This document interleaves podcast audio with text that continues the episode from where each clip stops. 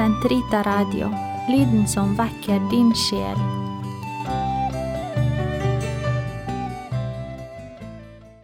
Hei og velkommen til Katolsk i hodet, episode 11 Forstand og vilje i dydens tjeneste. Mitt navn er Øyvind Evenstad, og dette er programmet der vi ser på ulike tema fra et katolsk perspektiv som bygger på tro og fornuft. Mennesket er et handlende vesen, og menneskelig handling går ut på å velge én ting fremfor en annen ting. I Siraks bok kapittel 15 vers 14 står det at Gud skapte mennesket i begynnelsen og stilte det fritt til å velge. Jeg vet at det neste nummeret av Kredemus som er NUK sitt eh, blad for unge voksne, kommer til å ha valg som tema. I den forbindelse ble jeg inspirert til å snakke litt om valg i denne episoden, og om hva som kan være resultatet av gode og dårlige valg. Spesielt nå i fastetida kan det være lurt å reflektere litt over hva slags valg vi tar i livet. I boka Mere Christianity fra 1952 skriver den kristne forfatteren C.S. Lewis at hver gang du tar et valg, forvandler du den sentrale delen av deg, den delen av deg som velger, til noe litt annerledes enn det den var før. Hvis vi ser på livet ditt under ett, med alle dine utallige valg, forvandler du sakte denne sentrale tingen til en himmelsk skapning eller til en helvetesskapning, enten til en skapning som er i harmoni med Gud og andre skapninger og med seg selv, eller til en skapning som er i en tilstand av krig og hat mot Gud og sine medskapninger og mot seg selv. Å være den ene typen skapning er himmelsk, det vil si at det er glede og fred og kunnskap og kraft. Å være den andre betyr galskap, skrekk, idioti, raseri, impotens og evig ensomhet. Hver av oss beveger seg i hvert øyeblikk mot den ene tilstanden eller mot den andre. Denne boka til Louis har blitt utgitt norsk som Se det i øynene, men dette sitatet kommer fra en del av boka som dessverre har blitt utelatt fra de norske oversettelsene. Derfor har jeg vært nødt til å gi min egen oversettelse i dette tilfellet. Det som Louis her kaller den sentrale delen av deg, kan vi identifisere som menneskets åndelige sjel, den delen av oss som viser at mennesket er skapt i Guds bilde og skiller seg fra de andre dyrene på jorda. Ifølge det tradisjonelle filosofiske verdensbildet til den hellige Thomas Aquinas så har andre dyr også en slags sjel, men det er bare mennesket som har en åndelig sjel. I Den katolske kirkes katekisme, paragraf 1703 til 1705, kan vi lese at menneskesjelen kjennetegnes av to spesielle åndskrefter, nemlig forstand, eller intellekt, og vilje. Med forstand, eller intellektet, forstår vi det som er godt, og med viljen handler vi i tråd med det gode vi forstår. I hvert fall i den grad vi ikke er svekka av uvitenhet og manglende viljestyrke, noe vi alle er. Det finnes også en tredje kraft i sjelen, nemlig begjær, og dette er noe vi har til felles med andre dyr. I seg sjøl kan begjæret være en god ting, hvis den styres av de høyere, det vil si åndelige, delene av sjelen. Men hvis dette hierarkiet innad i sjelen blir snudd på hodet, slik at det er begjæret som styrer, og ikke forstand, så havner vi fort i trøbbel. Jeg mener at jeg sa noe allerede i den første episoden om tro og fornuft, om at Gud er det høyeste gode, og at å handle i tråd med Guds vilje er det samme som å handle fornuftig eller rasjonelt. Når vi bruker åndskreftene i sjelen vår på riktig måte, oppfyller vi gudbilledlikheten i oss og kommer nærmere Gud, nærmere hellighet. Men det blir vanskeligere for oss å velge riktig hvis vi svekker forstand og viljen vår. Da kommer vi nærmere de andre dyrene, som ikke har en åndelig sjel. Det er derfor vi sier om et menneske som handler på en umenneskelig måte, at han var som et dyr. Derfor er det viktig å tenke på hva vi velger å fylle sinnet vårt med, ikke minst på hva slags bøker vi leser hva slags musikk vi lytter til, hvilke filmer og TV-serier vi ser på. Allerede den gamle greske filosofen Platon var opptatt av at de unge i samfunnet skulle oppdras med gode innflytelser og holdes unna det som kunne være skadelig for sjelen.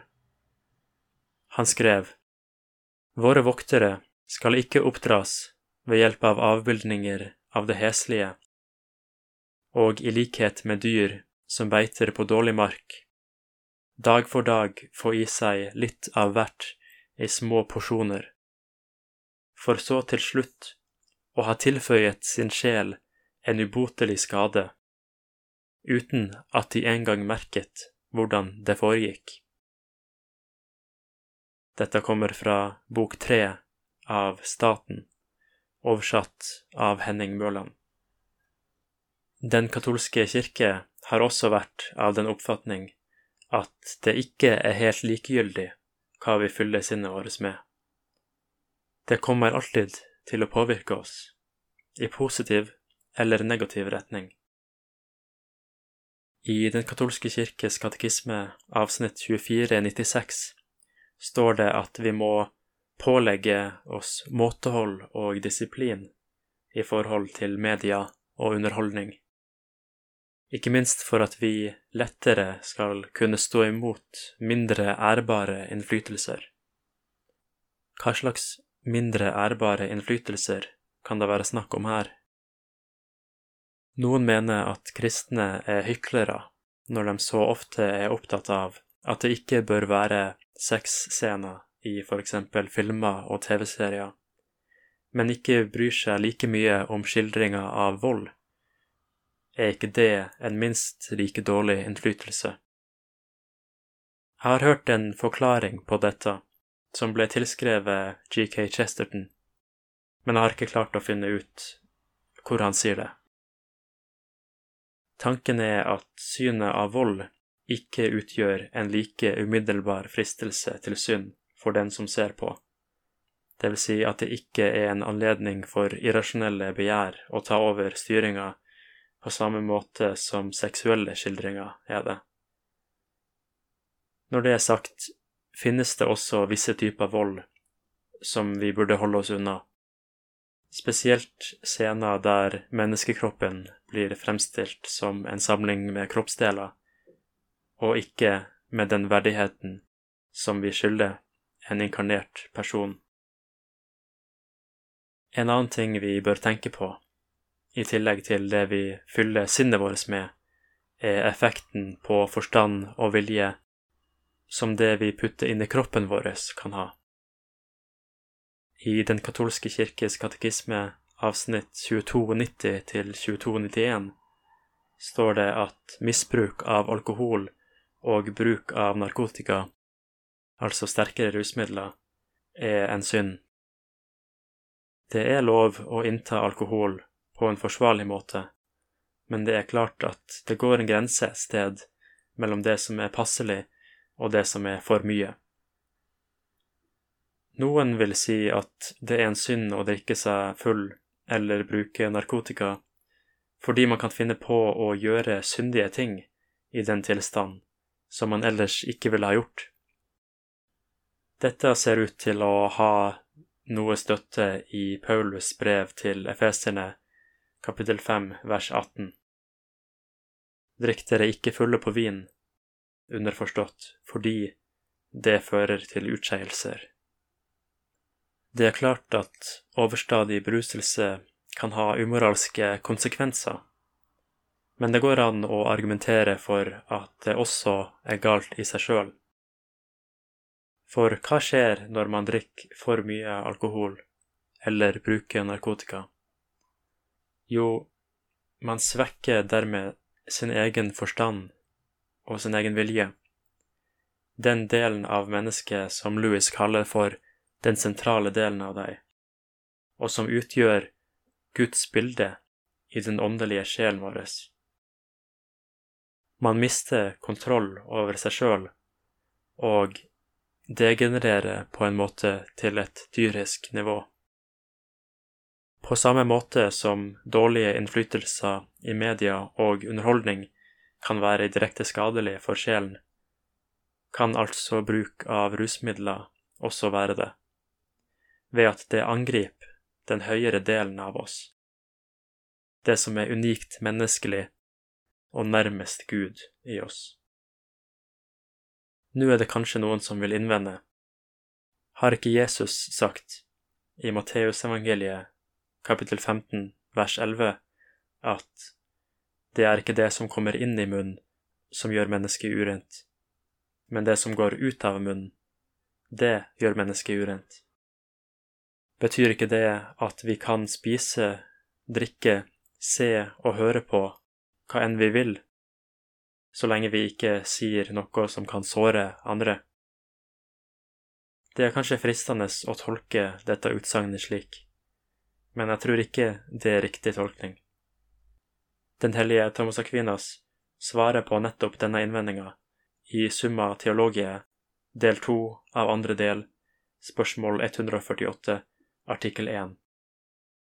Thomas påpeker at Jesus her tar sikte på de jødiske renhetsreglene for mat, og avviser at det finnes noe i Guds skaperverk som er ondt i seg sjøl, dvs. Si i kraft av sin egen natur. Men det er åpenbart at gode ting kan brukes på onde og syndige måter. Ellers ville det jo ha vært umulig å gjøre onde ting. For eksempel sier Thomas at fråtseri er en synd, ikke fordi mat er ondt i seg sjøl, men fordi det er galt å spise altfor mye av det. Og noen ting, for eksempel dødelig gift, er galt å spise sjøl en liten bit av. Ikke fordi giften er ond i seg sjøl, men fordi den alltid kommer til å ha en skadelig effekt på oss. Det samme gjelder altså de dårlige innflytelsene som jeg allerede har snakka om. Både Platon og Aristoteles mente at gode innflytelser og ikke minst gode forbilder fra en tidlig alder er viktig for å gjøre mennesket i stand til å vokse i dyd, på engelsk virtue. På norsk har dyd også blitt kalt for dygd, og det henger sammen med verbet å duge. Å være dydig er altså å være dugelig til noe.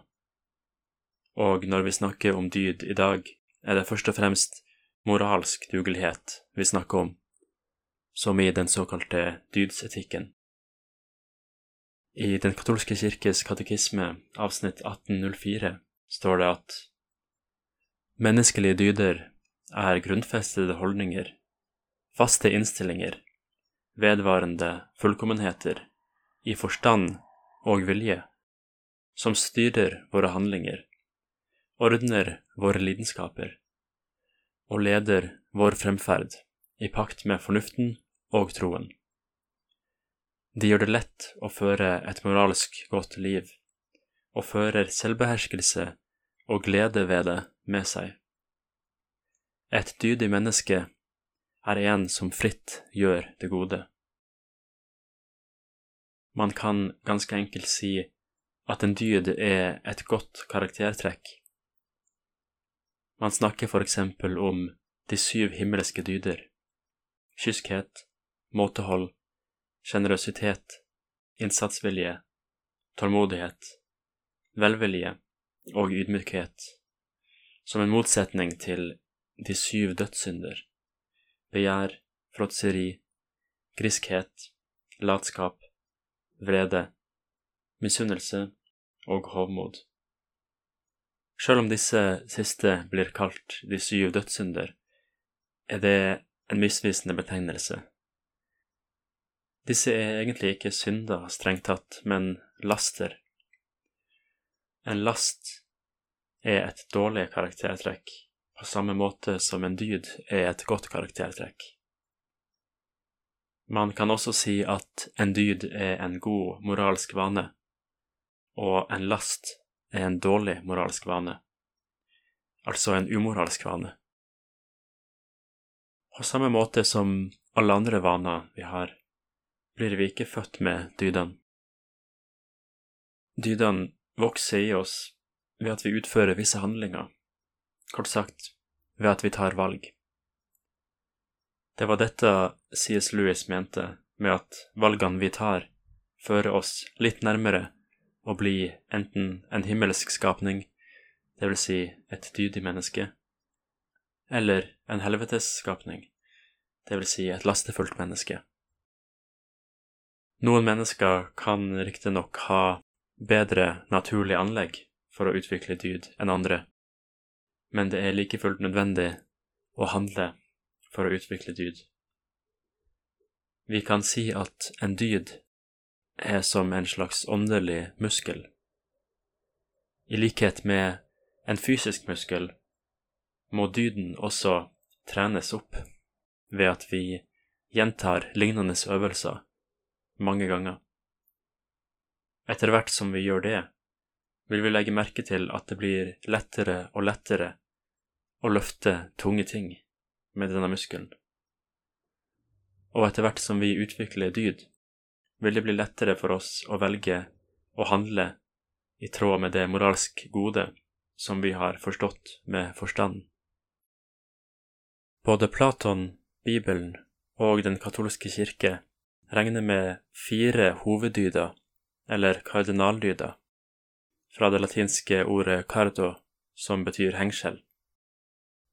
For eksempel står det i den deuterokanoniske Visdommens bok, kapittel 8, vers 7. Vit at dydene er visdommens verk, for den lærer deg sindighet og klokskap, rettferdighet og mannsmot det beste menneskene har i livet. Disse dydene, sindighet eller måtehold, klokskap, rettferdighet og mot, kalles kardinaldyder, fordi alle de andre dydene kan sies å avhenge av dem og kan plasseres i underkategorier av dem.